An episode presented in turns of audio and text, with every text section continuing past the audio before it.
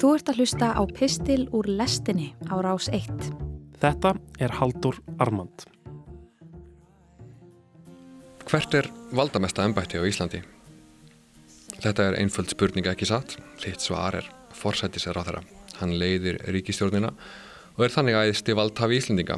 Þetta væri rétt svar í barnabókum Íslands samfélag. En þú hefur ránt fyrir þér. Forsættisar á þeirra er ekki valdamesta ennbættið. Það er forseti Íslands sem er valdamesta ennbætti á Íslandi.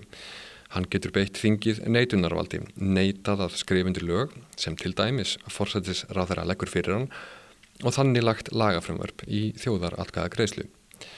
Þetta stendur í henni margfrægu 27. grein stjórnarskrárinnar og það sem er einna merkilegast við þessa grein er að í henni eru ekki sett fram negin sérstök skilirði sem verða að vera fyrir hendi svo forsetin geti neitað að staðfesta lagafrömmörp.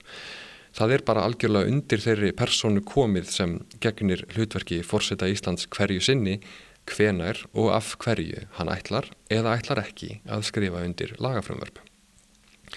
Þú segir, nei, þetta er nú bara útursnúningur. Þegar Ólafur Ragnar Grímsson neitað að skrifa undir æsefsáningarna og vísaði þeim í þjóðurakvaða greiðslu árið 2010, það voru sérstakar aðstæður. Það, það var undantekning.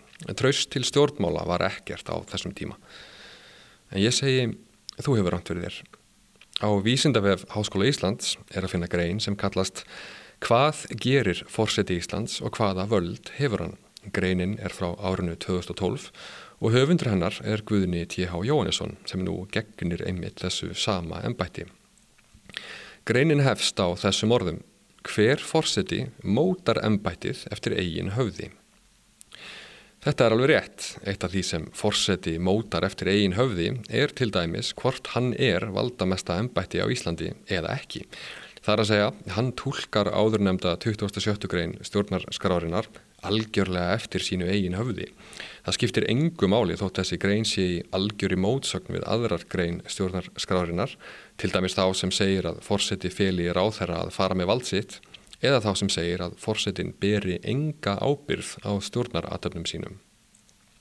Ef einn maður getur komið í vekk fyrir að þingið setji lög, einn maður sem getur ákveðið það eftir sínu eigin höfði, hvort hann skrifar undir lög eða ekki, jafnvel eitt af mikilvægustu lagafrumörpum líðvildisögunar eins og gerist árið 2010 og það meira segja án þess að bera ábyrð á þeirri ákvörðun sjálfur sé ég ekki hvernig því verður andmælt að forsetin sé augljóslega valda mesta ennbættið samkvæmt íslenskri stjórnskipan. Þegar ég var að byrja í lagadeild Háskóla Íslands á sínum tíma, stuttu áður en Ólafur Ragnar neitaði að skrifundir ISF samningana og var okkur kent að þessi 2017 grein endur speiklaði ekki raunverulegt vald. Það sama gilt um hana og svo mörg önnur stjórnarskara ákvæði sem vörðuðu hlutverk fóseta Íslands. Völd hans væru einungis formleg Þetta væri ekkit um að arfleið frá tákgrænu hlutverki konungs. Um þetta höfðu fræðimenn og spekingar verið sammálum áratugum saman. Ungir laganemar þurfti eins og verið ekki að býða lengi þángar til forsetin sjálfur tók af skarið. Þegar stjórnvöld ætluði sér að leggja skuldir fjárfestingabanka á íslenskan almenning, neitaði hann að skrifa undir æsef frumvarpið. Hugmyndin um heið tákgræna og intakslausa vald forsetans varð að reiki sem blés á hafút. Síðan endur tók hann leikin og sinjaði aftur að skrifa undir næsta samning.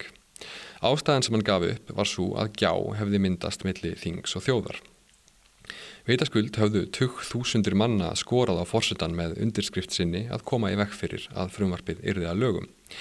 Engu að síður var það algjörlega hans ákverðun og hans tólkun hvergi er hveðið á um þessa gjá í stjórnarskráni eða hefðbundum íslenskum lögum Hins svo kallaða gjá, millir þings og þjóðar, var bara lýsing á raunveruleika skinnjun þessa eina manns sem varð svo til þess að eitt afdreifaríkasta lagafrumvarp líðveldisögunar varð ekki að veruleika. Og hann hafði auðvitað rétt fyrir sér hvað þessa gjá varðar. Málið er bara að þessi gjá er alveg að breið núna og hún var þá. Traust til stjórnmanna á Íslandi er ekkert. Hver fórseti mótar ennbættið eftir eigin höfði, segir í grein Guðna, Og með því að móta ennbættið eftir eigin höfði, mótar hann líka stjórnskipun Íslands í heilsinni eftir sínu eigin höfði. Ég tek fram að ég er ekki að taka neina afstöðu til þess hvert raunverulegt hlutverk fórseta Íslands á að vera. Þetta er bara lýsing á hennu fljótandi ástandi sem einkennir íslenska stjórnskipan. Það ríkir algjör óvisa um það hvernig íslensk stjórnskipan er nákvæmlega vegna þess að það ríkir algjör óvisa um það hvert hlutverk fórseta Íslands er eiginlega. Hann bara mótar embættið eftir eigin höfði. Vald hans er eins og eitthvert fyrirbæri úr skamtafræði, bæði raunverulegt og ekki, í sann tákgrænt og ekki tákgrænt. Og eins og köttur Sörödingars er bæði dauður og lifandi alveg þanga til einhver gáir, þá er fórsetin bæði valdalaus og valdamestur alveg þanga til einhver gáir, í þessu tilviki hann sjálfur. Ég revja þetta upp hér vegna þessum þessar myndir er tekist á um mikilvægi nýrar stjórnarskrár árið 2012 að samþygt í þjóðarakvaðgreðslu að leggja tilugur stjórnlaraðs til grundvallar frumvarfi að nýri stjórnarskrá. Þetta var svo kvölduð ráðgefandi þjóðarakvaðgreðsla. Þingið leitaði þar eftir að ráðgjöf þjóðarinnar um nýja stjórnarskrá en glemdi að láta hann að vita að hugmyndinu væri svo að ráðgjöfin væri negatív. Það ætti einmitt að gera heið andstæða við ráðgjöfina. Þjóðarakvaðgreðslan var einstök á heimsvísu að því leiti að tilgangurinn með henni var að komast að því hvað þjóðin vildi en gera síðan heið gagstæða. Þjóðin lísti því yfir því í ráðgjöfsinni að hann vildi nýja stjórnarskrá byggða á tillögum sem voru til staðar. Þá er það einmitt ekki gert og síðan þá hefur lítið sem ekkert spurst til þessarar stjórnarskrár en nú er krafan um hana að verða háværari sem og þá vitaskuld andstaðan við hana. Mín persónulega skoðun er svo að það skiptingu sérstöku máli hvað þér eða mér finnst eða finnst ekki um nýju stjórnarskrána. Það var haldinn þjóðarakkaðagreisla um hana og það á að virða niðurstöður slíkra atkkaðagreisla. Annars er einfallega verið að setja stór hættulegt fordæmi og vega að grunnstóðum líðræðis í landinu í raun taka það effektíft úr sambandi. Það skiptir ekki heldur máli þótt kostninga þáttakann sé dræmari í einni kostningu en annari. Ef þingið spyr þjóðina um vilja hennar þá er almenningi fullkonlega frjálst að tjá hugsin með kostningu eða ekki. Ef þú hefur enga sérstakka skoðun á íslensku stjórnarskráni og tekur enga sérstakka afstöðu til þess hvort að eiga breyta henni eða ekki, þá er þér fullkonlega frjálst að mæta ekki á kjörstað. En það þýðir ekki að þingið geta þeim sögum hunsað vilja meiruluta þeirra sem tjáðu sig.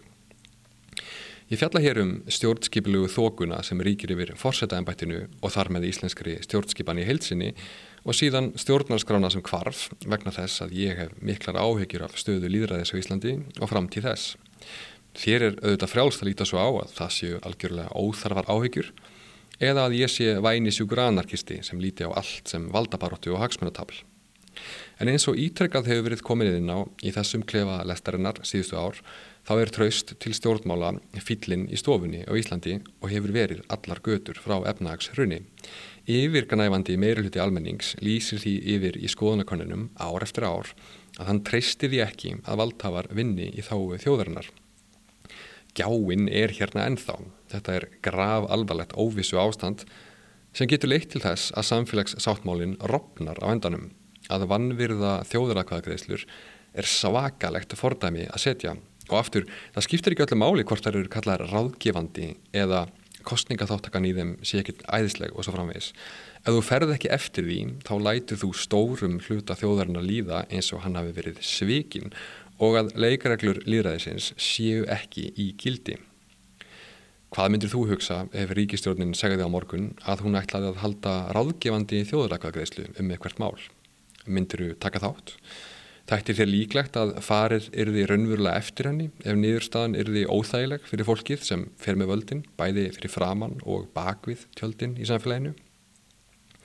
Ég er síðan að sjálfsögðu alveg fullkonlega sammála því að það er ekkert sem bendir til annars en að Guðni T.H. Jóhannesson sinni ennbætti sínu með miklum sóma og þokka. En það býður hættinni heim til lengri tíma að hlutverk og völd ennbættisins séu svona óskýr og að hver forseti móti ennbættið og völd þess eftir sínu eigin höfði Því hver minn kom á eftir Guðuna? Hvernig verður pólitíska ástandir í heiminum þá? Hversu breið verður gjáinn í samfélaginu á þeim tíma? Ef við viljum að fórsetin sé pólitíst afl sem liggur í dvala en getur beitt þingið neitunarvaldi á augustundu sem vel má vera að sé gaglegt, er þá ekki gáfulegt að setja einhverjar reglur um það? Hvert er valdamesta embættið á Íslandi? Hvaða hlutverk hafa þjóðarakvæðgreislur? Óstöðuleikin í heiminum á bara eftir að aukast á næstu árum. Hversu mikilvægt er þá að leikreglur líðræðisins séu skýrar? Eða ætlar það kannski bara að yppa aukslum og segja Dóri minn, þetta reddast?